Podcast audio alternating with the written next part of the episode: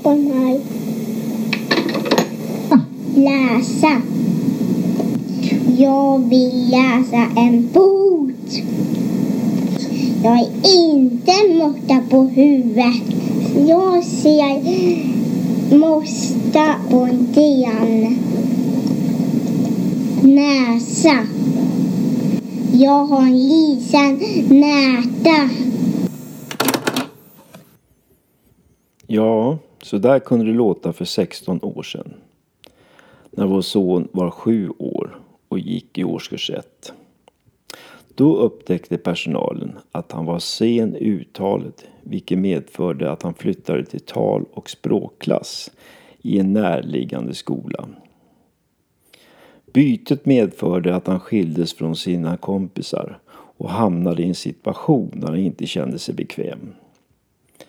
Händelsen medförde att självkänslan minskade drastiskt i form av utanförskap och att han inte var tillräckligt bra för att få gå i skolan hos sina kamrater. Han blev tystlåten, nedstämd och ledsen. Vid samtal med personalen vid tal och språkskolan så förklarar det tydligt att det är viktigt att man följer utvecklingskurvan och att nuvarande insatser är viktiga för att han ska komma ifatt och sedan återgå till den normala skolgången. Här följer nu ett exempel på dialogen med personalen. Jaha, så han ska följa en standardiserad utvecklingskurva? Ja, precis, det är viktigt. Ja, ja, det är ju klart att det är viktigt. Samtidigt mår han dåligt och saknar sina kamrater som undrar var han tog vägen och vad som var fel på honom. Ja, men det här är helt normalt. Vi gör så här ofta och det brukar bli bra. Ja, så kan det ju vara. Samtidigt mår vår son dåligt och längtar tillbaka till sina kompisar. Han trivs dessvärre inte med det här. Hmm. Ja, jag förmodar att vår son kommer att ha ett långt liv och många år framför sig. Så hur kommer det sig att ni har så bråttom? Kan han inte få utvecklas i sin egen takt tillsammans med sina vänner? Tystnad uppstår med många fundersamma blickar. Rektorn för tal och språkskolan säger efter en stund. Ja, det är klart han ska trivas. Jag har funderat på ett förslag. Jaha, det vore ju bra om det går att lösa.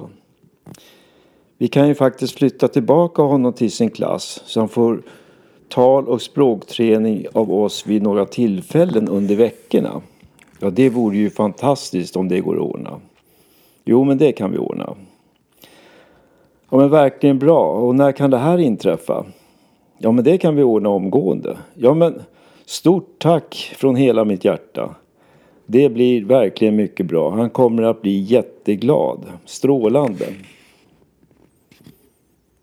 Återgången till klassen blev verkligen lyckad.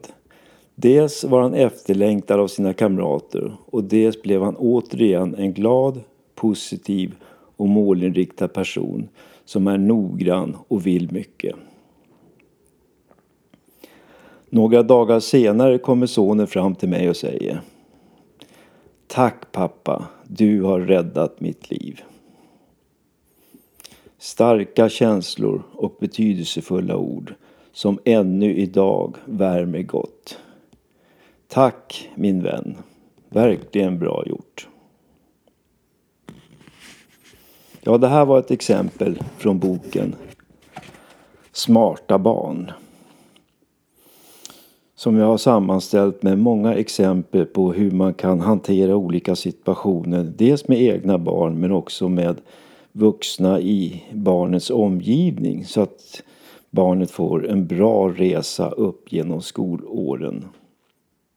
Tack för att du ville lyssna en liten stund.